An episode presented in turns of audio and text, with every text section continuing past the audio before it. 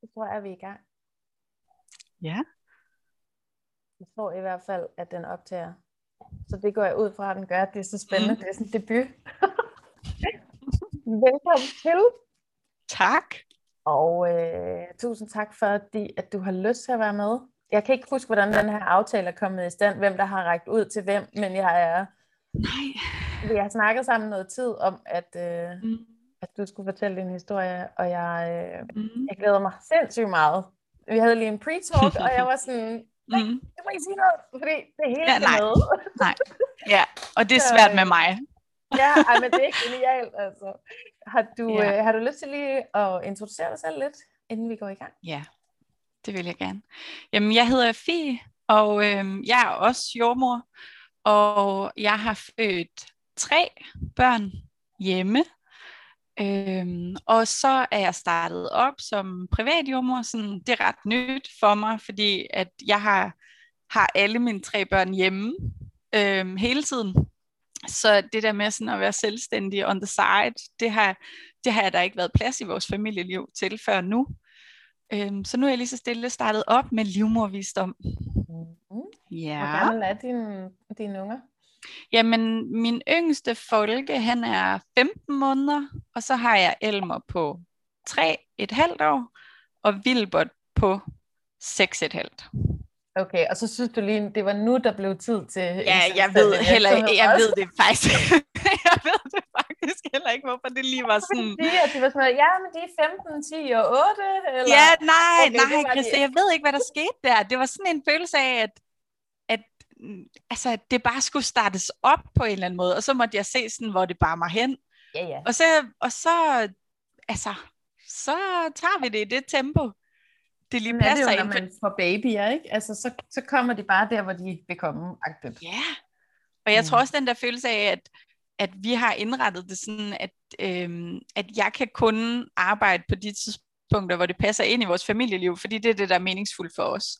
Ja. Så det er sådan lidt en speciel konstellation, men jeg synes indtil videre fungerer det helt vildt godt. Du ser i hvert fald ud, som om du trives rigtig meget.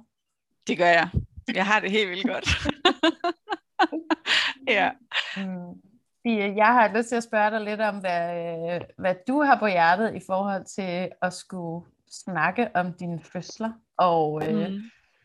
Og jeg har lyst til at spørge dig, om du var jordmor før du fik børn, eller om du er blevet det undervejs. Mm. Det, er jeg også, det er jeg også rigtig nysgerrig på. Ja, det kan jeg godt forstå. Jamen, øh, jeg var, da jeg, da jeg blev gravid med Vilbert, der var jeg jordmorstuderende, og jeg var i slutningen af uddannelsen. Og øh, så altså, jeg havde jo jeg havde jo lært en masse i forhold til, til jordmorstudiet, men jeg, altså, det, der gik op for mig, tror jeg, det var, at der var bare helt vildt meget, jeg ikke havde lært. Mm. Og helt vildt meget, jeg ikke havde hørt om. Øhm, og lige pludselig, da jeg blev gravid med ham, så var det som om, at jamen, der var bare noget, der sådan åbnede sig inden i mig. Øhm, og jeg blev enormt følsom og blød og den side af mig var enormt ny for mig. Øhm, jeg har altid været sådan en type, som, som har øhm, altså fortsat, og indtil nærmest, at min krop øh, sagde, nu skal du ligge ned, fordi nu, nu kan du ikke mere. Jeg var, jeg var enormt... Øhm, altså, jeg havde en idé om, at, at det var forventet af mig, at jeg skulle, øhm, at jeg skulle kunne klare alting selv. Øhm, og så blev jeg gravid med Vilbert, og så er det bare som om, at der var nogle ting, der begyndte sådan at altså, sprække ind i mig. Og lige pludselig kom der noget nyt frem, og noget nyt ud, som jeg aldrig havde været i kontakt med. Og så det, der var mit held, tror jeg, Christa, det var, at jeg så øh, i en den sidste praktik, altså sådan valgfri praktik, der kom jeg over til København øh, og var på øh, Maja-klinikken sammen med Marta og Dorte. Øhm, og der var bare noget, der sådan resonerede helt vildt meget i mig i forhold til, hov, man kan også gøre det, man kan faktisk også bare gøre det helt anderledes. Øhm, mm. plus at jeg også havde nogle uger derovre, hvor jeg var helt alene for første gang.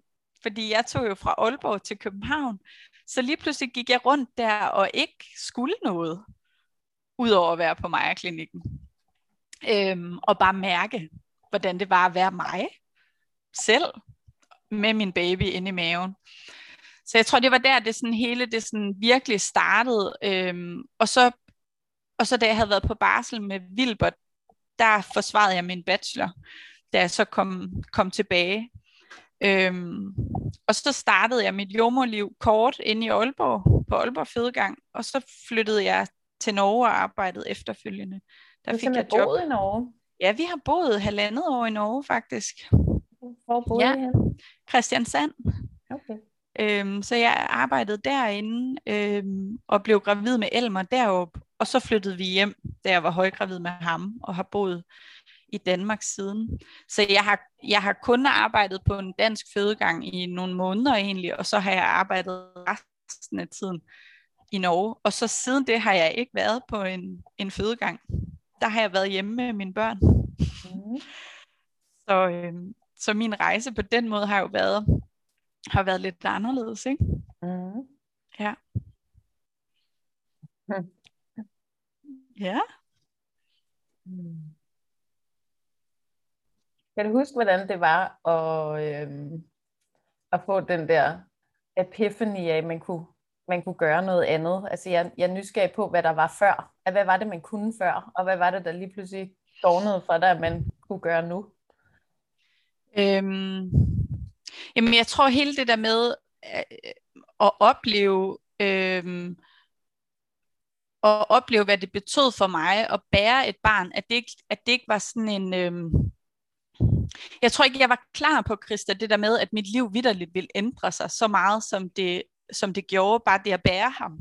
Bare det at have ham inde i min livmor. Jeg var slet ikke, øh, jeg var slet ikke bevidst om, øh, hvordan at jeg kom i kontakt med noget, der var større end mig. Altså det, den sådan hele spirituelle del af det at være gravid, det var der ikke nogen, der havde fortalt mig om før. Så det kom sådan ret meget bag på mig, at jeg vidderligt havde det sådan, og hvordan jeg følte mig enormt alene i det, og i den proces. Jeg følte, at der var, altså, at der var mange omkring mig, som, som slet ikke forstod, hvor stor en rejse jeg var på. Øhm, så sådan, jeg tror, øhm, altså jeg tror, så begyndte jeg bare at dykke ned i rigtig meget. Altså jeg begyndte at sådan undersøge helt vildt mange ting, som jeg aldrig nogensinde var blevet, var blevet øh, bevidst om på jordmoduddannelsen. Og jeg læste helt vildt, altså jeg uddannede mig selv øh, til at blive en helt anden jordmor, end den jeg troede, jeg var. Og det var en helt sindssyg øh, proces også, fordi det var vidderligt ni måneder, hvor det bare hvor det, altså, hvor det bare hele det øh, blev ændret. Øhm, og, og jeg kunne bare mærke, at jeg ville helt vildt gerne føde hjemme. Og det var bare så naturligt for mig, at det var sådan, det skulle være for os.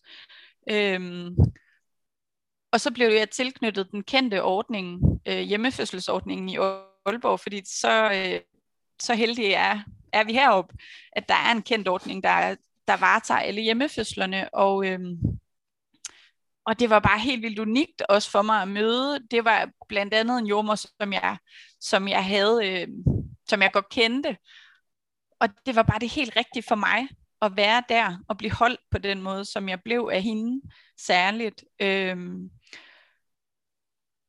så det var bare, altså det var, øhm, ja, det kunne, det kunne bare ikke være på andre måder, Christa, for mig, at jeg skulle, at jeg skulle at jeg skulle træde ud. Jeg skulle lade noget, altså det jeg oplevede rigtig meget i forbindelse med min graviditet, men også særligt under min første fødsel, det var, at jeg har opbygget et panser igennem mange, mange år tidligere. Øhm, jeg har, kommer fra en slægtslinje, hvor, hvor øh, min mor har været udsat for en masse overgreb, og øhm, der, der, er nogle, der er nogle sådan ret hardcore nedarvede traumer der. Og det var som om, at mit panser, det var blevet sådan helt, helt, helt, helt, helt tykt, og der var ikke noget, der kunne bryde igennem. Og, øhm, og, en, og en del af min rejse i min graviditet og under min første fødsel, det var at, at simpelthen at få det der panser til at bryde ned. Øhm, og sådan helt, altså helt reelt set, så, så stod Vilbert også uregelmæssigt, fordi han kunne faktisk ikke være derinde bag mit panser. Altså, mm-hmm. min mavemuskler... Der var ikke krop, Ej, eller der var faktisk... Krop. Jeg var bare ikke blød, Christa. Jeg var stenhård. Mm. Øhm, og du kan også se det, hvis du sådan kigger på nogle af mine billeder fra, jeg var gravid. altså hvordan mine mavemuskler vidderligt bare sådan har stået sådan, øh, og klemt omkring ham. Så han stod jo også uregelmæssigt, øh, fordi der faktisk ikke var fysisk plads til, at han kunne, at han kunne øh, lægge sig til rette på andre måder i mit bækken. Øh, og det har jeg jo, det er jo først noget, jeg har reflekteret over sådan retrospektivt, ikke? At, at nå, det giver da vildt god mening egentlig, fordi altså, mm. jeg skulle derud, hvor det der panser bare sagde, mm. og skulle springe helt i luften, ikke? Og så kom han, og så så blev der plads, og så blev der blødhed. Men er du sindssyg, det er det vildeste, jeg har prøvet den første fødsel der, med hvor meget jeg skulle give slip på, øhm, og hvor meget jeg skulle derud over, hvor, fordi jeg altid har været en type, som har, som har dyrket kontrol virkelig meget. Hvis bare jeg havde kontrol, hvis bare jeg løb stærkt, så kunne jeg ikke mærke, altså sådan, så, så behøvede jeg ikke mærke indad, hvordan det egentlig var at være mig.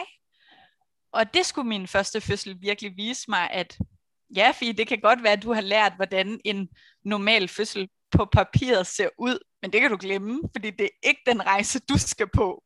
Du skal netop derudover, hvor du ikke ved, hvad der sker, hvor du overhovedet ikke kan se lyset for enden af den her tunnel. Ikke? Altså sådan, det var virkelig det, der var meningen med min proces, at jeg skulle helt derud, hvor jeg tænkte sådan, shit mand, altså klarer jeg det her? Kan, kan jeg det her? Dør jeg?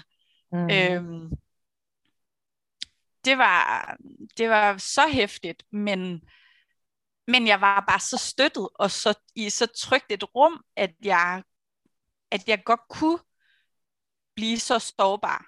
Fordi det har også været det, der har været min udfordring. Det har været at turde læne mig ind i nogen andre end mig selv altså at lade andre komme så tæt på mig, at jeg skulle stå der sådan øh, sårbar og skrællet ned til benet på en eller anden måde, at det har været øh, det har været så sindssygt at gøre det i mine fødsler. Øh, men der har været nogle rammer omkring mig, hvor jeg har kunnet det. Og det er jeg jo enormt taknemmelig for, at jeg har oplevet på min krop. For ellers så havde det været nogle helt andre, øh, altså så havde det været nogle helt andre oplevelser for mig. Det er jeg helt sikker på. Øh, fordi jeg har haft nogen omkring mig, der har kunnet turde holde mig og, og, øh, og lade mig falde bort på den måde, som jeg gjorde, fordi jeg gik i opløsning sådan helt decideret. Hvordan, øh, hvordan oplevede du det fysisk? Kan du prøve at beskrive det? Det har specielt været fra din første fødsel, eller var det også i graviditeten? Det, det, var, øh, det var en proces. Altså jeg synes, øhm, jeg synes i graviditeten var det mere sådan en følelse af, at, at, jeg var, at jeg godt kunne mærke, at jeg blev en anden, og at jeg følte mig øh, helt vildt alene med den rejse, jeg var på, og jeg ikke sådan følte mig forstået, øhm, både i sådan hele, hele verden, men også i min omgangskreds egentlig. Men fødslen var, var øh, var der, det sådan virkelig skete. Altså det var, det var der, hvor jeg trådte ud på den anden side, og så tænkte, hov, jeg er faktisk aldrig den samme igen. Øhm, så den sådan, det var en proces, der ledte op til det. Og så trådte jeg ud på den anden side en helt anden øh, efter fødslen. Men, men øhm, altså jeg, mm, Christa, jeg, sy, jeg tror, for mig har det været en proces i alle fødsler, jeg, men jeg synes helt klart, at min første fødsel har været den, der har været øh, altså tydeligst for mig. Øhm, og også tydeligst i den forstand, at jeg skulle ændre mig for at give plads til at blive mor. Øhm, altså mit ego skulle falde bort på en eller anden måde. Og, og al min, alle mine overbevisninger om, at jeg også kunne blive mor, og så træde tilbage i mit gamle liv med min baby. Det var også det, fødslen skulle vise mig, at det var ikke meningen, at det var okay at give slip. Mm, jeg sidder sådan og tænker, fordi øh, jeg forstår fuldstændig, hvad du siger. Jeg ved mm. lige præcis, hvad det er for en rejse. Jeg har jo været på en lignende mm. rejse, og jeg ja. har vidne ja. til folk, der er på lignende rejser hele tiden. Mm. Og det jeg sådan sidder og tænker på, hvad vi hvad er det, vi, hvorfor er det, vi vil der tilbage, tror du? Altså, hvad er det for et behov, vi har for at holde fast i det? I det gamle. Men, ja, hvorfor, hvorfor, hvorfor var du bange for at skulle øh, i slip på det? Det er, forkert, det er, en, for, det er en forkert antagelse. Det, men... Nej, men jeg forstår godt, hvad du mener, Christa. Jeg tror, det handler ja. rigtig meget om, at det ikke er noget, der er, er kendt. Det er ikke noget, vi taler om hvad den her rejse, øh, som rigtig mange kvinder gennemlever, altså hvad den egentlig betyder for vores liv, både i vores fødsel, men også efterfølgende. Altså jeg tror også virkelig, det var fordi, at det var sådan en, øh, altså en fortælling om, jamen når jeg så har født mit barn, jamen så går der de her antal måneder, og så træder jeg bare tilbage til at være jordmor inde på fødegangen. Øhm, der var aldrig nogensinde nogen, der havde sådan holdt mig i hånden og kigget mig dybt i øjnene og sagt, jamen Fie, det er slet ikke sikkert, at du har lyst til bagefter. Det kan være, at du mærker noget helt andet. Så den der sådan, øhm, den der sådan kollektive fortælling om, hvad det egentlig vil sige at bære børn og føde børn ind i verden, det var hele den fortælling, jeg manglede brudstykker af. Øhm, så det var noget, jeg sådan følte, følte, at jeg skulle opleve på min egen krop. Øhm, og også fordi jeg var 23, da jeg fik Vilbert, og jeg var øh, tidlig i min proces, altså jeg var stadig jordmorstuderende på det tidspunkt. Jeg havde slet ikke det der netværk af kvinder, der var sådan øh, rodfæstet i deres moderskab. Jeg havde, jo, jeg havde slægtninge, altså min egen mor og min svigermor, men, men det var ikke de kvinder på det tidspunkt, jeg egentlig havde brug for at spejle mig i, også fordi deres øh, egen rejse ind i moderskabet var fra en helt anden tid. Jeg havde brug for kvinder omkring mig fysisk, som jeg kunne spejle mig i, og som fortalte mig, som overleverede nogle af de her ting, øh, de havde været igennem. Og det manglede jeg. Det var noget, jeg først skulle bygge op. Og det er rigtig sjovt, du siger det ikke, fordi øh, jeg tror sådan, jeg tror, øh, hvis, hvis, hvis vi nu ikke havde været jordmødre, ikke, mm. så ville vi måske sidde med sådan en, det må man da vide, når man har gået på jordmoderskolen og yeah. er blevet en yeah. jordmor og yeah. gør det her arbejde, fordi yeah. det du siger virker intuitivt som noget, yeah. der selvfølgelig er, er bygget ind i at gå yeah. til en jordmor. Yeah. Så har, har du lyst til at sige lidt om, om det at være jordmorstuderende og finde ud af de her ting? Ja, mm, jeg tror, Christa, for mig var det sådan lidt sådan en... Øh,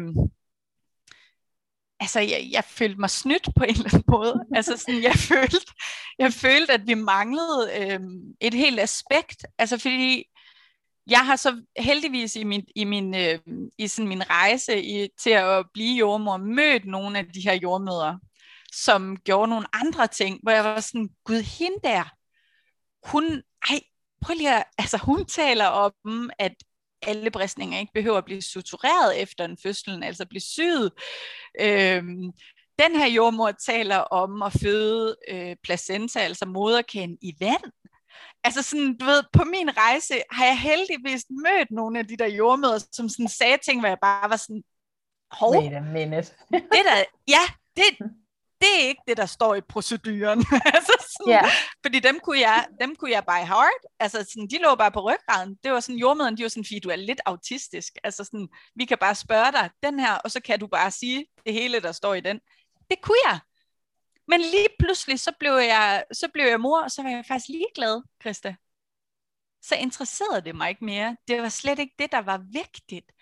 Øhm, så, så sådan, øhm, og så også under min første fødsel med, med Wilbert, der kan jeg huske på et tidspunkt, Christa, hvor jeg sådan tænker, ej, hold da kæft, hvor er jeg blevet snydt. Altså sådan, det kan da ikke passe, det gør så ondt. Altså sådan, jeg har stået der ved siden af så mange kvinder. Hvis det er det her, de har mærket, så tror jeg ikke, jeg har været der ved siden af dem godt nok. Altså sådan, det kan simpelthen ikke være rigtigt.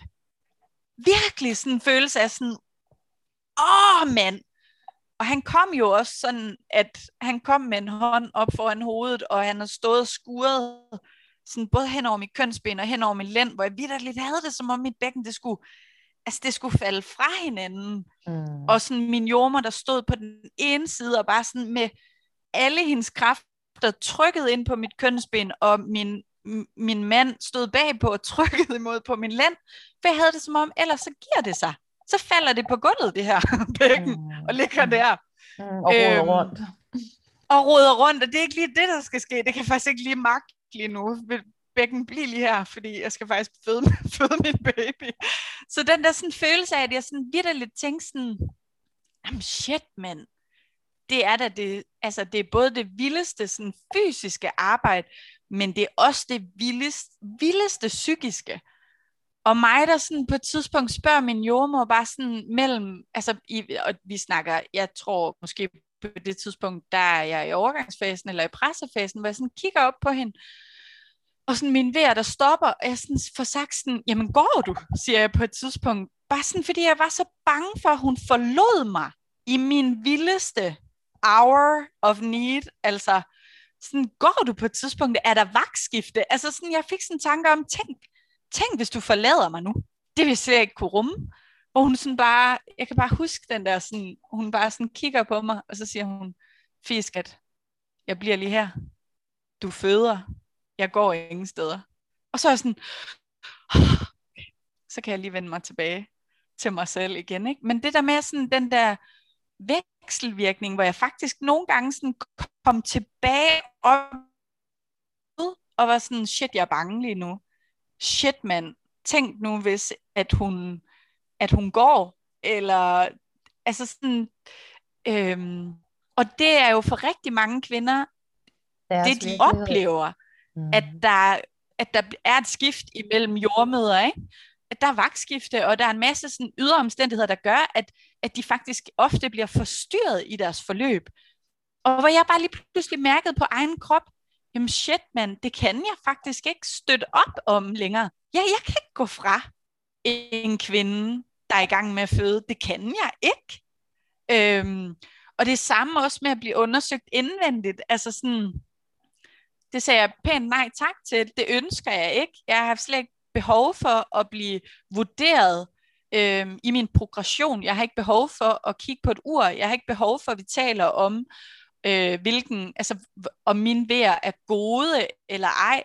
Jeg har faktisk behov for ikke at blive øh, vurderet på den måde, fordi jeg så vil flyve lige tilbage i mit rationelle kontrol øh, jeg. Og jeg havde mega meget brug for at slippe det og bare være i flow og have tillid til mig selv og min rejse. Og min ved at stoppet mange gange, Krista. Er du sindssyg, mand? Det gør vi jo. 100 gange. Ja, præcis. Nej, ja, altså, det er jo en pause. Det er, det er jo ikke, ja. det, det er jo ikke en svækkelse. Det er jo bare en pause. Nej. En Men det bliver bare set sådan udefra ofte, ikke? Jo, det er så vildt. Og jeg havde nemlig rigtig mange pauser, og det var så forskelligt, hvorfor pauserne var der. For nogle gange var det fordi netop, som jeg lige sagde, det der med, at jeg blev bange for noget. Der kom noget til mig, som jeg lige sådan skulle kigge på og få ytret højt. Ikke? Og andre gange var det, fordi min krop vidderligt var træt. Fordi jeg havde brug for øh, noget, noget mad. Altså, ja præcis ud at tisse. Altså sådan, der var så mange forskellige tidspunkter i min fødsel, som min første fødsel var også, øh, var også en fødsel, der, der sig over mange timer øh, og dage egentlig. Ikke? Mm. Men, men det der med, at, at, at jeg på intet tidspunkt i min fødsel tænkte, det her, det er, det er ikke, det føles ikke godt, eller det er unormalt, eller der er nok noget galt. Det havde jeg ikke på noget tidspunkt. Jeg kunne bare være i flowet, fordi jeg var i et setting, hvor jeg også var helt tryg. Og jeg var helt tryg ved den jomor, der sad ved min side, og bare var der. Jeg vidste, hun ikke kiggede på mig og vurderede mig, og tænkte sådan, ah, den der pause, den, den er ikke så god. Nu må vi nok hellere gøre noget andet. Ikke? Det, det oplevede jeg aldrig. Der var aldrig sådan en følelse af, af tvivl på, på min krop. Og det gjorde, at jeg kunne være i det. Også selvom han stod uregelmæssigt, og også selvom at jeg tænkte, shit mand, skal jeg virkelig, skal jeg virkelig derud, og skal jeg også presse, altså fordi min pressefase var også lang, Christa, altså der var mange elementer, ikke, hvor jeg sådan tænkte, hold da op. panser, han skulle igennem. Ej, der var så meget panser, han skulle igennem, ikke? Og den der følelse af, at jeg sådan går over, og jeg begynder at få sådan pressevejr, øhm, hvor, han, hvor jeg også bare sådan mærker ham så intenst indeni, og det er så kraftfuldt, at jeg vidderligt ånder dybt ind, og så dykker jeg under vandet med hele mit væsen. helt under vandet, fordi jeg skulle derned i stillheden og mærke ham. Være, være med ham og de kræfter, der bare sådan rullede igennem mig. Ikke? Øhm, og sådan, den der følelse af sådan, det har jeg da aldrig nogensinde hørt nogen gøre før. Jeg har aldrig, aldrig, aldrig set det før, vel? Men sådan, det mærkede jeg bare. Og så måtte jeg gøre det. Og så var jeg dernede på bunden af fødekarret. mm. øhm, så sådan, der var, der var bare en masse nye ting, som sådan gik op for mig. Øhm, ja, og så kom han jo ud til mig. Mm. Og så var jeg bare, så var jeg bare mor. Mega meget. Og den der følelse af sådan, at han boede bare på mig, Christa. Altså sådan, jeg kunne slet ikke, altså sådan instinktivt, så skulle vi bare være forbundet hele tiden. Og det var vi. Og det var der rigtig mange, der havde rigtig mange holdninger til. Nej, men så starter den. ligesom der også var mange, der havde holdninger til mange andre ting, jeg har valgt. Ikke? Men, men sådan, så startede hele den del. Ikke? Og igen den der følelse af at gå rundt og så tænke sådan, jamen hvad er det, I ikke forstår? Jeg er blevet mor. Altså sådan, hvorfor kan I ikke se, hvor stort det her det er? Altså sådan, hvad, hvorfor, hvorfor er der ikke nogen, der kommer og hylder mig? Eller fejrer mig? Hvor, hvor, hvor er I alle sammen altså sådan lidt den der, altså, jeg, kan slet, jeg kunne slet ikke sådan, øh, og, og der er ikke nogen af jer, der skal tage min baby. I, I må ikke tage min baby. Han skal bare være her hos mig hele tiden. Men I må da godt lige komme og massere min nakke lidt, eller Giv mig noget sådan, mad. Giv mig, ja, giv mig noget lækkert mad. Eller sådan. Vask mit tøj. Ja, også sådan noget. Altså heldigvis, det, Christa, der jo så hører til historien, det var, at de første, den første uge boede vi hjemme ved svigermor. Jeg har født øh, både Vilbert og Elmer hjemme ved svigermor. Ej, for optur. Øhm, I hendes lejlighed.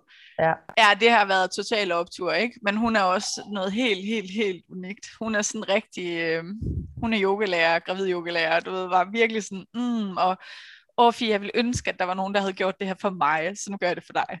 Agtigt. Øhm, ja, mega lækkert, forward. Ikke Ej, hvor er det smukt.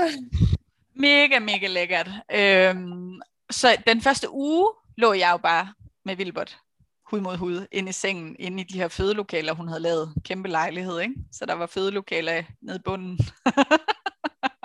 ja. ja, det var flere, meget lækkert. Flere, flere øhm, af de oplevelser. Ja, også når jeg siger det der med, at jeg er født ved min svigermor, så bare folk sådan helt sådan, hvad? Det, nej, nej, altså, har du ikke, det kan har du ikke, ikke fået sønner? Jo. Jo, du kommer jo til at blive sådan en svigermor jeg gør det så, Christian. Det er da perfekt. Ja, sgu da. Hold kæft, jeg glæder mig bare så meget til det. Også fordi jeg har, har haft lidt sådan det der med, den der sådan uh, rite of passage, når, når en datter går, går ind i hendes blødende fase, hvor jeg har været sådan lidt, øh, jeg har tre drenge. Ja, ja. sådan lidt. Men, men der har du det. Der har jeg det bare på en anden måde. Jeg får svigerdøtre på et tidspunkt, ikke? Mm. Øh, måske, eller hvad de ja, ender med at vælge. Det må vi jo se. Ikke? Men så, Men lå det kan du godt være. Øh, så lå du simpelthen der og blev, øh, blev oprettet. Ja, det gjorde ja. jeg, Christa. Og hun, øh, hvis vi ønskede, at der kom nogen forbi på besøg, jamen, så var det hende, der var været inde. Det var hende, der sørgede for alting. Så jeg ikke behøvede at gøre noget som helst andet, end at bare blive der med Vilbert. Øhm, det var simpelthen en kæmpe gave. Virkelig. Øhm, og Elmer er også født hjemme hos hende. Og så det først her med Folke, at vi, at vi valgte at føde i vores egen lejlighed, simpelthen fordi, at det var for, fordi jeg har født om natten alle gange, og det kunne jeg bare mærke, det gør jeg sikkert igen. Det der, det første af, jeg kan give slip. Øhm, så er jeg sådan, ej, det bliver også lidt besværligt at vække to børn, og sådan flytte dem, for at gå hen til svigermor og føde, ikke? Jo, så er det ligesom hele øhm, ideen der... med hjemmefødslen, den, øh, den ryger lidt. Ja, præcis. Den ryger lidt. Det er lidt ligesom at skulle køre på hospitalet, ikke? Også sådan at gå med ved ned til svigermor med, med to børn, der er blevet vækket fra deres søvn, ikke? Nah. Mm. Så der fødte vi, der fødte vi i vores egen lejlighed. Øhm, men så var Vilbert, øhm, der var Vilbert nede ved hende, øhm, fordi han, han ville egentlig gerne have været med til Folkes fødsel, men han var blevet syg, så han havde det ikke sådan helt vildt godt. Så han var sådan, ej, jeg vil faktisk bare gerne sove nede ved farmor. Så jeg var sådan, det er bare fint.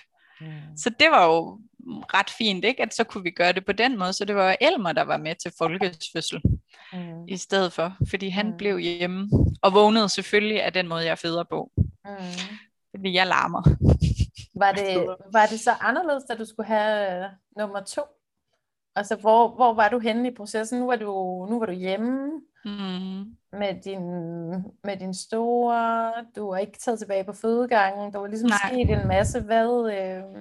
Men der var med Elmer, det var jo der på det tidspunkt, Christa, der havde jeg arbejdet jo i Norge indtil uge 37. Fordi der går du først fra der. Så vi skulle lige pakke et hus ned og flytte, ikke? øh, tilbage. Men, men, men mit arbejde var ikke på fødegangen på det tidspunkt. Jeg var på barselsgangen og på svanger, fordi de, øh, de, de har en helt anden politik, når man er gravid deroppe. Så de var sådan, Fie, hvor vil du gerne arbejde hen? Hvilken afdeling kunne give mening for dig? Hvad for nogle vagter kunne du godt tænke dig? Og du må selvfølgelig ikke have nattevagter, for du er gravid. Og jeg var sådan, hvad? Nå, siger du, at sådan, du jordmor ikke? Ja. ja, sådan, det var bare sådan, nå, okay og jeg tror lige, jeg skriver det hjem til Danmark, til nogle af mine kollegaer. Jeg bare sådan, har I hørt det? Jeg er gravid, jeg må ikke have nattevagt om mere. Sådan, det var simpelthen så vildt at opleve, ikke? Den der, den der sådan, øh, ja, det var helt anderledes. Men, men man går fra ret sent derop. Og så flyttede vi hjem, med, og jeg var gravid med Elmer, og jeg, og jeg tænkte, Christa, jeg føder nok også lidt inden termin, fordi det gjorde jeg med Vilbert. Men det gjorde jeg ikke. Det gjorde du ikke, for du var jo lige flyttet. Jeg ja, skulle lige nå at adjuste lidt. ja, det var virkelig, det var faktisk rigtig hårdt. Øhm, det var en sindssyg proces at øh, gå til 42.0 først. Jo, jeg gik jo mere end 42.0, ikke? Men, øhm, ja, men jeg gik til 42.0, og så tænkte jeg, fuck Christa, tænkte jeg. Det var, virkelig, det var virkelig en hæftig rejse, fordi jeg jo også havde været væk fra mit, altså fra mit, øh, fra min by og fra min, fra min omgangskreds, og fra, øh, jeg havde jo ikke været, altså i den kendte ordning, der var jeg jo sådan lidt dumpet ned, super højgravid, ikke? Øhm, så det havde slet ikke, det var, det havde slet ikke faldet mig ind, at jeg kunne, at jeg kunne gå over tid med Elmer. Altså sådan, jeg havde tænkt, Nå, men jeg har jo været igennem den her vilde proces med Vilbert, og jeg er åben, og jeg er klar, og det hele er faldet bort. Der sker ikke noget nyt. så sådan, og jeg føder selvfølgelig ind til min, ikke? Så bare sådan, ej hold kæft, jeg følte mig snydt, og jeg følte mig bare mega presset af, at det bare ikke skete. Øhm, og øhm, der måtte jeg jo lige pludselig til at blive sårbar igen, og række ud til alle de kvinder i mit netværk, som jeg overhovedet kunne, og så sige, prøv at høre, jeg har faktisk brug for jer alle sammen. Fordi jeg har aldrig været så presset i mit liv før. Øhm, og sådan havde jeg det jo også med Vilberts fødsel, men det skulle jeg så også lige prøve igen. På en ny måde. Øhm, og jeg, og jeg, jeg havde så mange sådan samtaler, og, øhm, og, og også, hvor jeg, hvor jeg også mødtes med virkelig gode jordmorveninder, og veninder, som var dulager, og, og min jordmor i, i det kendte team, så jeg sådan virkelig, virkelig var i proces omkring, at mit barn lød vente på sig. Øhm, og det, der så skete, Christa, det var, at øh, den ene jordmor i det kendte team, hun var virkelig utryg ved, at jeg fortsat ønskede hjemmefødsel efter u 42 plus 0. Hun synes, at det var, hun synes ikke, det var noget, hun havde lyst til at støtte op omkring. Og den anden jordmor, hun informerede mig selvfølgelig om om hospitalets procedurer, men hun støttede mig i, hvis vi træffede et anderledes valg. Øhm, men det gjorde så, at vi, vi, vi var ikke blevet scannet på noget tidspunkt i den graviditet. Øhm, det havde vi fravalgt. Og øh, til sidst så ønskede Mikkel, at jeg skulle scannes der jo 42 plus 3. Det ville han gerne, fordi hvis vi fortsat ville føde hjemme, så havde, synes han, at det kunne være rart at have den her scanning. Og det sagde jeg så okay til, øh, fordi det kunne jeg egentlig godt, det kunne jeg godt øh, det var et okay kompromis. tanker omkring. Ja, mm. det var et okay kompromis, fordi han egentlig har langt hen ad vejen virkelig bare øh, støttet mig ligegyldigt i, hvad jeg har fundet på. Ja. Og så flytte til Norge og sådan nogle ting, Christa. mm. øhm, og så, øh, så kom vi ind til den her scanning, og øh, jeg kan bare huske, hvordan det bare overhovedet føltes at sidde i det her venteværelse, og bare sidde der og tænke, ej, men det her, det er bare slet ikke det, jeg ønsker i min graviditet. Det er slet ikke det, der føles rigtigt for mig. Men jeg var sådan, okay, vi kommer ind til den her scanning, og øhm, jeg har en utrolig, utrolig sprudlende, stor, flot mave i min ikke særlig høje krop. Og, øhm, og ja, virkelig, Christa, jeg er ikke særlig høj, vel? Og, og Elmer, han fyldte godt ind i min krop. Og øh, så bliver jeg lagt fladt ned på ryggen og bliver scannet. Og så får og så kommer bravne en af kava.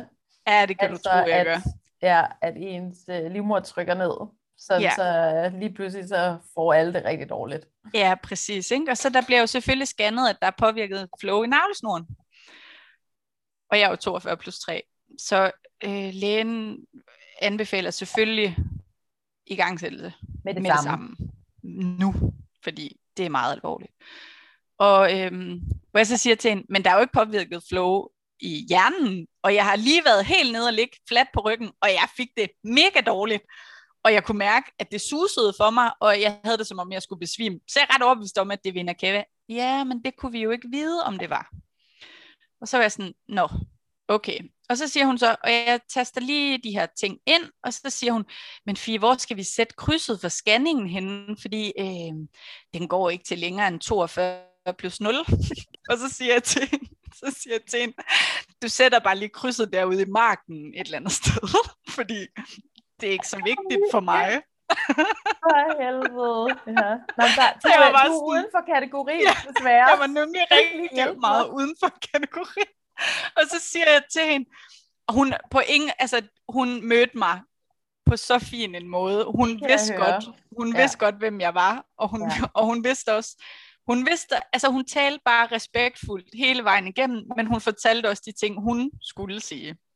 Så siger jeg til hende, kan du ikke lige gå ud et øjeblik, fordi jeg skal lige snakke med Mikkel om det her, fordi jeg kunne godt se, at Mikkel var blevet lidt forskrækket over det. Ja. Og så, og så går, øh, går hun ud, og så siger jeg til, til Mikkel sådan, skat, prøv lige at høre her, jeg ved godt, du gerne ville have haft, at den her dame, hun sagde, at alt var fint, og det er så ikke endt sådan. Du har ikke fået det, du gerne ville med den her scanning, faktisk tværtimod. Du har fået mm. at vide, hun gerne ville sætte... farligt. Ja, og at hun gerne ville sætte mig i gang med det samme inde på hospitalet. Og så er jeg sådan, men, men jeg er helt overbevist om, at det vinder kava, og at vores baby har det godt. Øhm, så jeg tænker, at vi siger ja til at få en CTG-registrering, hvor man lytter til barnets hjertelyd, og så hvis den er fin, så går jeg altså hjem og føder stadig hjem. Og så er han sådan, okay, hvis du siger det, skat, hvis du virkelig kan mærke det, så er det det, vi gør. Og så er jeg sådan, det er godt, fordi det er det, vi gør. Og så øh, sagde jeg til lægen, at jeg godt ville være med til en CTG-registrering på de her 40 minutter, men at jeg under ingen omstændigheder ville være med til ligge på ryggen. På ryggen. og så fik jeg jo taget sådan en 40 minutters øh, CTG-registrering, der bare var helt fint. Den var så fin, reaktiv. Barnet viste, at barnet sparkede og bevægede sig flot. Og, øhm, så du jo også godt kunne have fortalt dem? Præcis, for det kunne jeg jo mærke. Og så, øhm, så gik jeg hjem mod anbefalingerne. Og øh, det, der så ender med at ske, det er jo, at min baby lader vente på sig yderligere.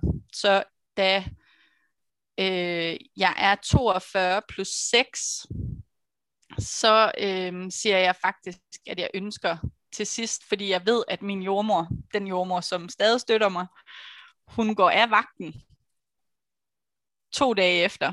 Uh, ja. Og jeg ved, hvem der så træder i vagt, som ikke ønsker at være en del af det her. Så det ender faktisk med, Christa, fordi der på det tidspunkt ikke er nogen øh, jordmøder, som kan træde til, øh, fordi de alle sammen af mine veninder har små børn og alt sådan noget. Så der er ikke nogen, jeg kan ikke lave en aftale med en privat jordmor eller en veninde, hvor jeg med garanti ved, at de kan være med til min fødsel. Så det ender faktisk med, at jeg øh, får taget vandet ind på fødegangen da jeg er 42 plus 6, for at være sikker på, at jeg har tre dage at løbe på, inden den her jordmor går af vagten. Fordi det faktisk var det, det endte med at være det vigtigste for mig. Det var, at jeg havde en jordmor ved min side, der støttede mig. Selvfølgelig. Så øhm, jeg får taget vandet ind på fødegangen med snatom kaver i ørerne, og øh, Mikkel, der har runde stykker af kaffe med, og en af mine gode jordmorveninder, der er med, og det bliver faktisk en ret sådan smuk stemning derinde. Og jeg kan bare huske, hvor pisse nervøs jeg var. For, det skulle at, være grønt. Ja, præcis, Christa. Det var lige præcis det, jeg var pisse nervøs for. Og så fik jeg taget vandet, og så gik jeg hjem mod anbefalingerne. Og øhm, så gik jeg med min kære jordmorveninde op i skoven, og jeg kan bare huske, hvordan vi sådan snakkede alt det, jeg var bekymret for igennem det her med, tænk nu, hvis min spontane vil ikke gå i gang, hvad så? Hvad, hvad, er min, hvad er min grænse egentlig i forhold til det her, vi har nu sat i gang? Fordi vi har faktisk pillet ved noget, jeg egentlig ikke havde lyst til at pille ved, men følte mig nødsaget til, fordi jeg var jeg blev presset af et system, et ydre pres, ikke? Jo. Og så ender jo, det med... havde ikke nogen støtte. Øhm, der var ikke nogen Øhm, for dig. Nej, der var jo nej, det, jeg, nej ikke, ikke i den del. Og jeg havde virkelig ikke set, Christa, at det skulle være en del af min rejse. Så jeg var ikke forberedt på. Jeg havde ikke, jeg havde ikke, øh, altså jeg nåede ligesom til 42.0, og så tænkte jeg, shit, der er jo ikke nogen private jordmøder på det tidspunkt i Aalborg, der tager fødsler. Hvad gør jeg? Altså sådan lidt den der følelse af sådan, shit mand. Øhm, men det min krop gør for mig, det er, at øh, da min veninde tager hjem til hendes, alle hendes dejlige unger, så begynder jeg at forvære sådan små kontraktioner. Jeg har en, en, en anden veninde, ringer jeg til og spørger, om hun vil give mig noget reboso, og der kan jeg mærke, når hun giver mig reboso, okay, min livmor den begynder at arbejde, ikke? Og, øhm, og så tager hun hjem, og hun putter mig ligesom, og man kan ikke putte mig i Christa, jeg er ikke, jeg er ikke sådan typen, der bliver puttet, vel? så jeg ligger cirka ned i fem minutter, og så er jeg bare sådan, op, jeg kan mærke, der sker noget. Og så er jeg bare sådan, jeg gør det hele rent herhjemme. Hele huset. Og så fik jeg jo vejr. Mm. Men jeg var jo hele tiden i den der sådan, når jeg havde haft en kontraktion, så er jeg sådan, nå, nu kommer der ikke en igen. Pokkers. Fordi jeg turde ikke stole på, at når jeg havde pillet ved det, på den måde ved at tage imod et indgreb, så var jeg fandme, jeg var så pisse bange for, at det ikke blev. Jeg var så mega bange for det. Men er der noget, Og jeg ved nåede, som altså- studerende og som jordmøder, det er jo også, at når du piller ved noget, så er risikoen for, at du skal pille lidt mere, bare større. Interventionskaskaden, den det, det er jo ikke for sjov. Jeg Ja. kan godt forstå, at du har været der. Ja, præcis. Nej. Ja, jeg var pisse bange. Jeg var mega bange for det. Og samtidig var jeg bare sådan, vi skal simpelthen bare, øh, altså vi skal bare være her. Jeg skal bare være hjemme, og jeg skal ikke pille mere ved det. Nu har jeg taget vandet, og nu, nu er det det. Nu skal det simpelthen bare have lov at have tid. Masser af tid. Øh, og så rullede min vejr jo til sidst, ikke? da det blev mørkt. Det skulle bare lige blive mørkt, Christa. Og jeg skulle bare lige have vide fra Mikkel, at Elmer eller at Wilbert sov sødt hjemme ved farmor. Mm. Så er jeg sådan, okay. Så kigger jeg bare lige ud på Aalborg-tårnet her, mens jeg hører sådan Atom Cower, og så øh, kører det bare. Og så kørte det fandme også bare, ikke? Mm. Øh, jeg kunne gå over til, til svigermor med bravende ved at være sådan lidt. Og så hver gang jeg havde en ved, så siger Mikkel, nu, nu fylder jeg fødekarret. Og jeg er sådan, når veden så var over, nej, nej, det gør du ikke. Det her, det, det er ikke noget nu. Og så var han bare. "Men- men Fie, jeg kan jo høre på dig, du føder. ja, ja, præcis. Og så var, så når jeg fik en igen, så var det også? Og Mikkel var bare sådan, nu fylder jeg fødekarret. Og sådan, nej, det gør du ikke. Så siger han, "Jamen, så ringer jeg til jordmoren. Nej, det gør du heller ikke. præcis. Og til sidst så var han bare sådan, gudskelov har vi, altså vi har været sammen siden, det er virkelig, vi er sådan nogle teen sweethearts, altså jeg mødte ham, da jeg var 13, ikke også? Så vi har virkelig været sammen i mange år, så han siger, nu fylder jeg fødekarret. Og så er det bare sådan, basta, bum, og nu ringer jeg til jordmoren. Og så er jeg sådan, oh, det var dejligt, det var bare lige, det var bare lige det, jeg havde brug for. og så blev det gjort for mig. Mm. Og så kommer min dejlige jordmor, og så siger hun til mig, fordi jeg kigger op på hende, og så siger jeg, jeg er så bange for, at jeg ikke føder. Og jeg, havde, jeg var så meget i overgangsfasen, ikke også? og så siger hun til mig, men Fie skat, du føder, siger hun så bare. Og så er jeg sådan, gør jeg? Sådan helt som om, Jamen, er det, at, altså, kan det virkelig være rigtigt? Føder jeg endelig den her baby? Ja, Mm. det gør du. Okay, og så fik jeg, så skulle jeg jo bare lige presse, ikke? Og så pressede jeg et par minutter, og så kom han svømmende ud. Mm. Så den fødsel var jo, altså der, det var jo ikke selve fødslen, der var det udfordrende for mig overhovedet. Det var det op til. Det var alt det op til. Hold kæft, det, det, det var virkelig, bare... Det er virkelig vildt, ikke? Fordi det er sådan, først så starter du med dig selv og den hårdhed, som samfundet på en eller anden måde har krævet ja. af os, og når vi så bløder den ja. op, så finder vi ud af, ja. okay, next level, det er vores support-systemer, mm. ja, som er præcis. helt hårde, som vi er nødt til mm. at lave om på, ikke? Så ja. du har virkelig bare taget ja. sådan en rejse, hvor jeg tænker, stopper det nogensinde? ja, nej, men det gør det ikke, Christa. Det gør det, det, gør det ikke. Nej. Nej, for det, og det er heller ikke, altså det tror jeg, det, det smukke i det her er jo, at, at, øhm, at hver rejse har jo skrællet noget bort, ikke? Altså det, jeg føler mig, øhm, jeg, jeg er enormt øhm, frustreret over, at det ikke er anderledes, og at, at øhm, fødsler og graviditeter og vores, vores efterfødsel, altså vores postpartum, ikke er ikke bliver set i et andet lys. Men jeg føler mig enormt heldig med de erfaringer, jeg har gjort mig. Fordi det har vidderligt ændret mig, men det har også ændret mig i forhold til den jordmor, jeg er, den måde, jeg møder andre kvinder på, og andre familier nu. Så jeg vil alligevel ikke være det for uden. Øhm, fordi at øhm, fordi at jeg jo i sidste ende er blevet holdt alligevel, sådan at jeg har kunne føde hjemme og med en følelse af, at der er ikke noget, der er blevet gjort ved mig. Jeg, jeg har kunne sige ja til de ting inden for de der uheldige rammer, som jeg vil ønske var anderledes, men ikke har været det, Christa. Mm. Øhm, og det gjorde jo, at da jeg bliver gravid med Folke, så det første jeg gør, da jeg mærker i min krop, at jeg er gravid, det er ikke at tage en graviditetstest, det er at skrive til en privat jordmor og bare være sådan, det kan godt være, at du er dernede på Djursland, men jeg skal bare lige vide, hvis jeg går til 43 plus 0, har du så min ryg? Og hun var bare sådan, ja, det har jeg. Jeg har dig hele vejen. Og jeg var bare sådan, okay, det var bare lige det. Det var bare lige det, jeg skulle vide. Altså, det var, det var vildt lidt sådan en følelse af, jeg skal bare lige vide, at mit support system, som du siger, Krista, at det kan bære alt, hvad jeg skal lære den her gang. Fordi jeg vidste jo godt, der havde jeg jo erfaret, det er ikke kun første fødsel, jeg skal lære noget ved. Jeg skal lære noget nyt for hver gang. Og så er jeg sådan, hvad byder den her baby nu på, ikke? Så jeg skulle bare vide, at jeg havde en privat jordmor, hvis nu, at den kendte ordning af en eller anden årsag ikke længere kunne støtte mig i min proces, jamen så havde jeg en backup. Mm.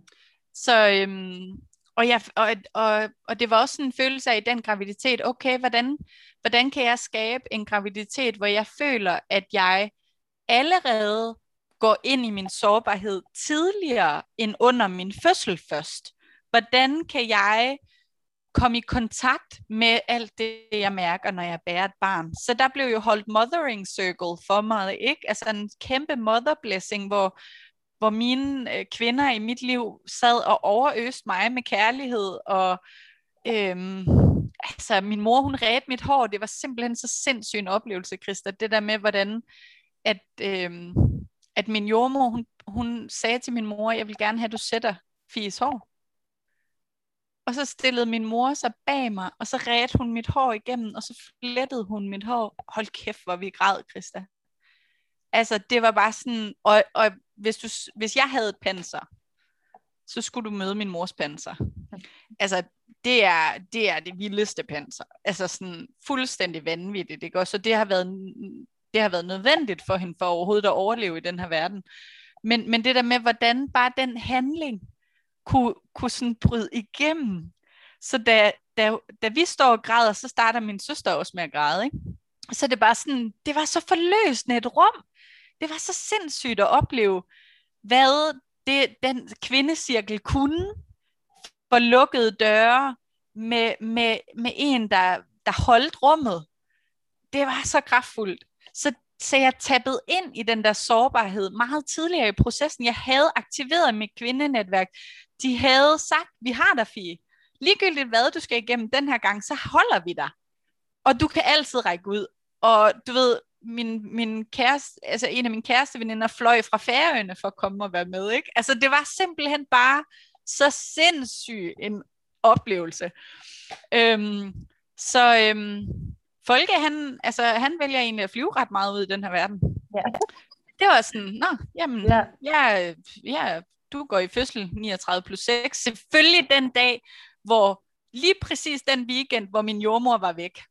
Lige den weekend, hvor hun skulle på juleshopping, ikke? så i kendt ordning, hende der havde været med til de andre fødsler, ikke? Hun, var, hun var selvfølgelig ikke lige der. Og øh, så skulle jeg jo i proces omkring, om jeg skulle ringe til min private jordmor, der havde lidt en lang køretur, eller om jeg skulle sige, at det var den anden jordmor i teamet, som kom med.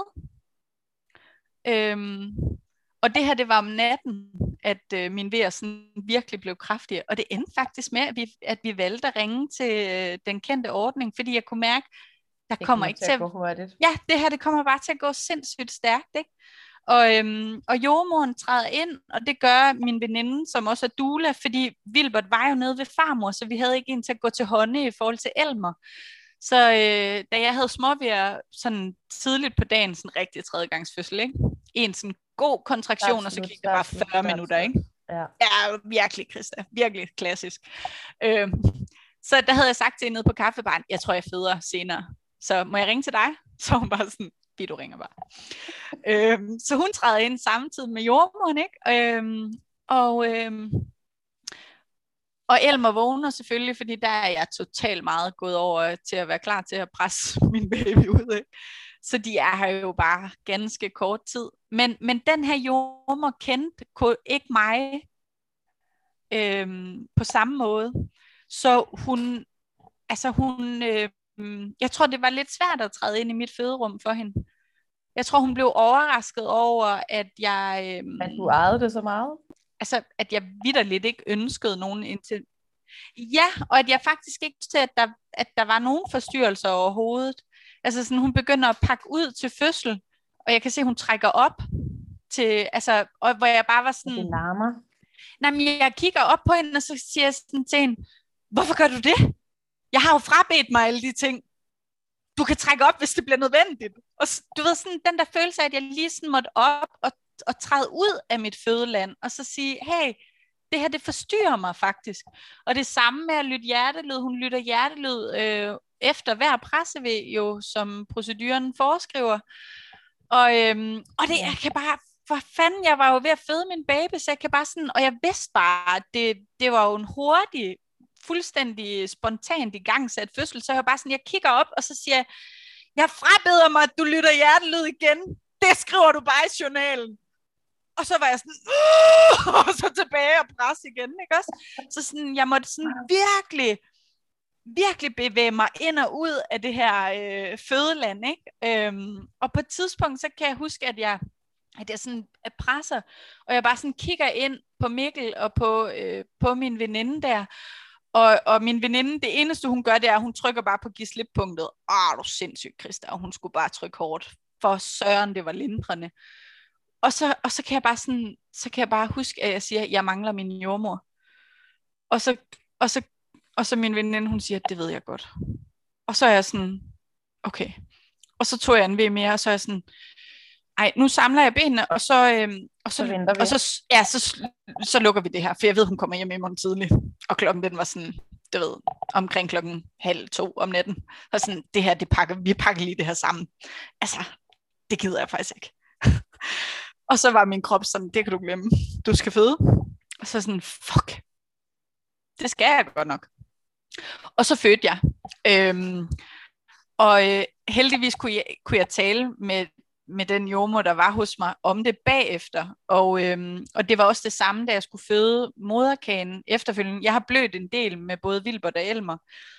Øhm, og en af de ting, min private jordmor sagde til mig, det var, fire skat, husk nu, når du, skal, når du har født din baby, så er du ikke færdig. Sig til din livmor, den skal lave gode, stærke vejer. Husk det, Fie. Bliv i fødeland. Så det var bare mit eneste fokus, det var, kom så, kom så livmor, vi kan godt, vi, nu, nu er det det. Altså jeg bevægede mig aldrig væk fra det. Hvor de andre gange, hver gang jeg havde født en baby, så var jeg sådan, nu er jeg færdig. Mm. Og så blødte jeg bare. Helt vildt. Hvor den her gang, der kunne jeg blive i det. Så jeg, altså, min livmor, den stod bare, og jeg sagde sådan, kom med Elmer, han skal lige lægges til. jeg skal lige amme her. Fordi så lå jeg jo bare med to børn. Så jeg havde jo knaldende gode ved ikke? Men hun ville rigtig gerne efterfølgende cool min livmor. Og, øh, og det ville jeg bare ikke. For jeg, var, jeg kunne bare mærke, at jeg Fingrene fra ja, fuldstændig, fuldstændig væk med de fingre. Det er sådan sådan, hvis du har brug for noget, så kan du lige med to fingre lige så stille mærke, men der er ikke nogen grund til det, siger jeg. For jeg kan mærke, at den er stenhård, jeg kan mærke, at jeg ikke bløder. Du kan jo bare se, om blødningen er der. Præcis, det var den der følelse, men det var sådan en, jeg tror bare, det var noget, en, en vane, altså det sad i de hænder der, og det var blevet gjort så mange gange, at det at møde mig, der vidderligt sagde så tydeligt, det vil jeg ikke være med til. Det sagde hun også efterfølgende, så siger hun, jeg har faktisk aldrig prøvet at føde med sådan en som dig. Og øhm, det har gjort en kæmpe, det har været en kæmpe oplevelse for mig, og jeg har lært rigtig meget af det. Og sådan, okay, så var der også en mening med det. Og, øh, og da jeg så snakker med min private jordmor om morgenen, så hun sådan, åh, Fie, jeg har jo haft kontraktioner hele natten, siger hun så. så var sådan, jeg vidste jo godt, du var i gang med at føde. Og var sådan, ja, det er også, ja, det, det er rigtigt. Det mærkede din livmor bare så fint med de afstande, der var imellem os, ikke? Mm. Men, men, øh, men det, det var der også, altså det var der også en fin mening med. Så tre meget, meget forskellige fødsler. Og, øhm, og, og med Folkes, det der, det der var den store lærdom med ham, det var, at Wilbert havde jo selvfølgelig fået streptokokhalsbetændelse, så han smittede Folke med RS-virus. Så øhm, vores forløb med ham var, at han 14 dage gammel røg ind og øhm, på hospitalet, ikke? Og det var min, altså han havde egentlig været dårlig inden, en, i en fem dage, hvor han sådan havde været klar snuttet. Men jeg har aldrig prøvet at føde et vinterbarn før, så det var Mhm. nyt. Mm. Og hvor jeg ringer til, til min jordmor fra den kendte ordning og siger til hende, jeg er simpelthen, jeg har en dårlig fornemmelse med ham. Og så siger hun igen, hun, hun er sådan en kvinde, der bare ved, hvad hun skal sige, når man ringer, eller når man er sammen med hende. Så siger hun, Fiskat, hvis din intuition siger, at der er noget galt med ham, så skal du handle på den. Og så er jeg bare sådan, okay. Så ringede jeg til skadestuen og begyndte at pakke allerede, for jeg vidste godt, hvad der skulle ske. Og øh, da vi kommer derind, så går der tre timer senere, og så øh, har han respirationsstop, og vi ryger på intensiv med ham. Og overlægen siger til mig, at jeg er ikke sikker på, at vi når på intensiv med ham. Så det var min rejse med ham, at jeg skulle prøve at være første gang indlagt med et barn. Øhm, og, og den der følelse af at, at være i det, i den setting med en lille baby, som egentlig var blevet født ganske fredeligt derhjemme, ikke? Øhm, og så være der med ham, og alle de ting, der følger med en hospitalsindlæggelse og en, et intensivt forløb på den måde, ikke? Og, og, og hvordan kan jeg bevare mig, og hvordan kan jeg bevare hans, øh,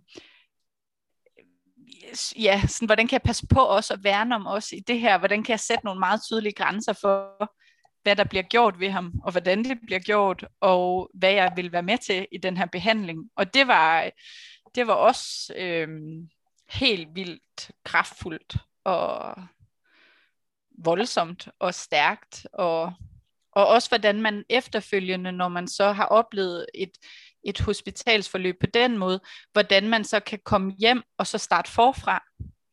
Og vidderligt sige til mit netværk, jeg ved godt, at jeg har været ude, og mit baby egentlig er små 20 dage gammel nu, men jeg bliver nødt til at starte helt forfra. Jeg bliver nødt til, at vi starter forfra i min postpartum, og at jeg bliver, bliver, kommer ind i sengen og bare hud mod hud med min baby hele tiden, og I skal sørge for alt andet omkring mig, fordi det her, det skal jeg hjælpe mig og min baby med, og hele det, der er sket. Og, øhm, og fordi jeg havde forberedt mit netværk, så var det muligt. Det var muligt for mig at, at, at træde ind i barselsboblen øhm, igen på ny. Og der var kæmpe helingsarbejde. De første mange dage efterfølgende, der skreg han bare helt vildt, da vi kom hjem. Mm.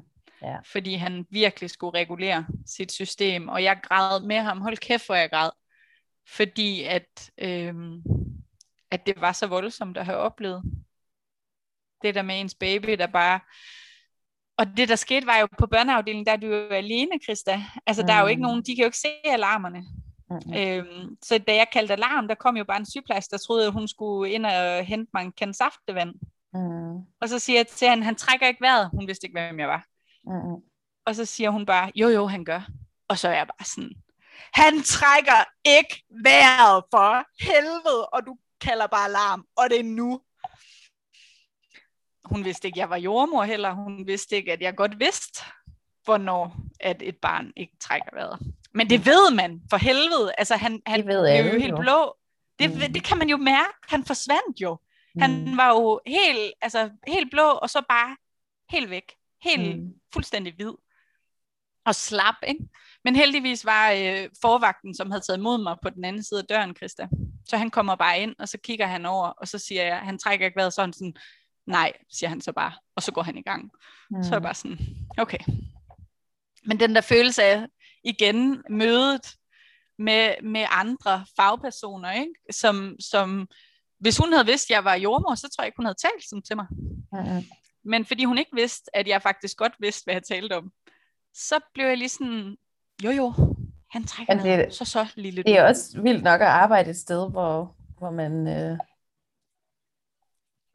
hvordan, hvor man reagerer sådan, når forældre lige meget, hvilken, øh, altså Mhm. hvilken baggrund de har, siger, mit barn trækker ikke vejret. Altså du har virkelig skulle igennem nogle vilde Mhm. processer hele vejen rundt, først med dig selv, og så med Ja. alle de systemer, du har været i nærheden af. Ikke? Mm-hmm. Systemet. Ja. Ja. Wow! ja. Og det er jo ferie. også min klare fornemmelse, Christa, det der. Ja. Ja. Ja. Helt vildt meget. Mm. Simpelthen så berigende og smukt og, og ekstremt velreflekteret. Det er jo nok ikke første gang, du taler om det her.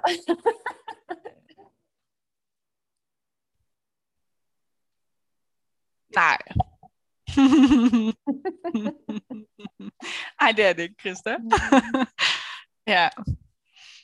Det er jo virkelig dejligt og, og, og også vildt at få lov til at høre, øh, hvor du har været og hvor du er kommet hen. Det, altså, det, det er jo så dejligt at vide, at du arbejder med kvinder nu og familier, fordi det, Mm.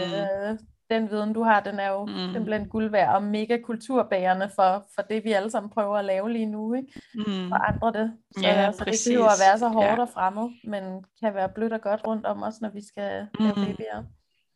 Ja, nemlig. Mm. Ja. Tusind tak. Jeg, øh, Selv tak, Christa. jeg glæder mig til at øh, snakke mere med dig og følge med på din rejse. Det vil jeg bare være helt vildt glad for.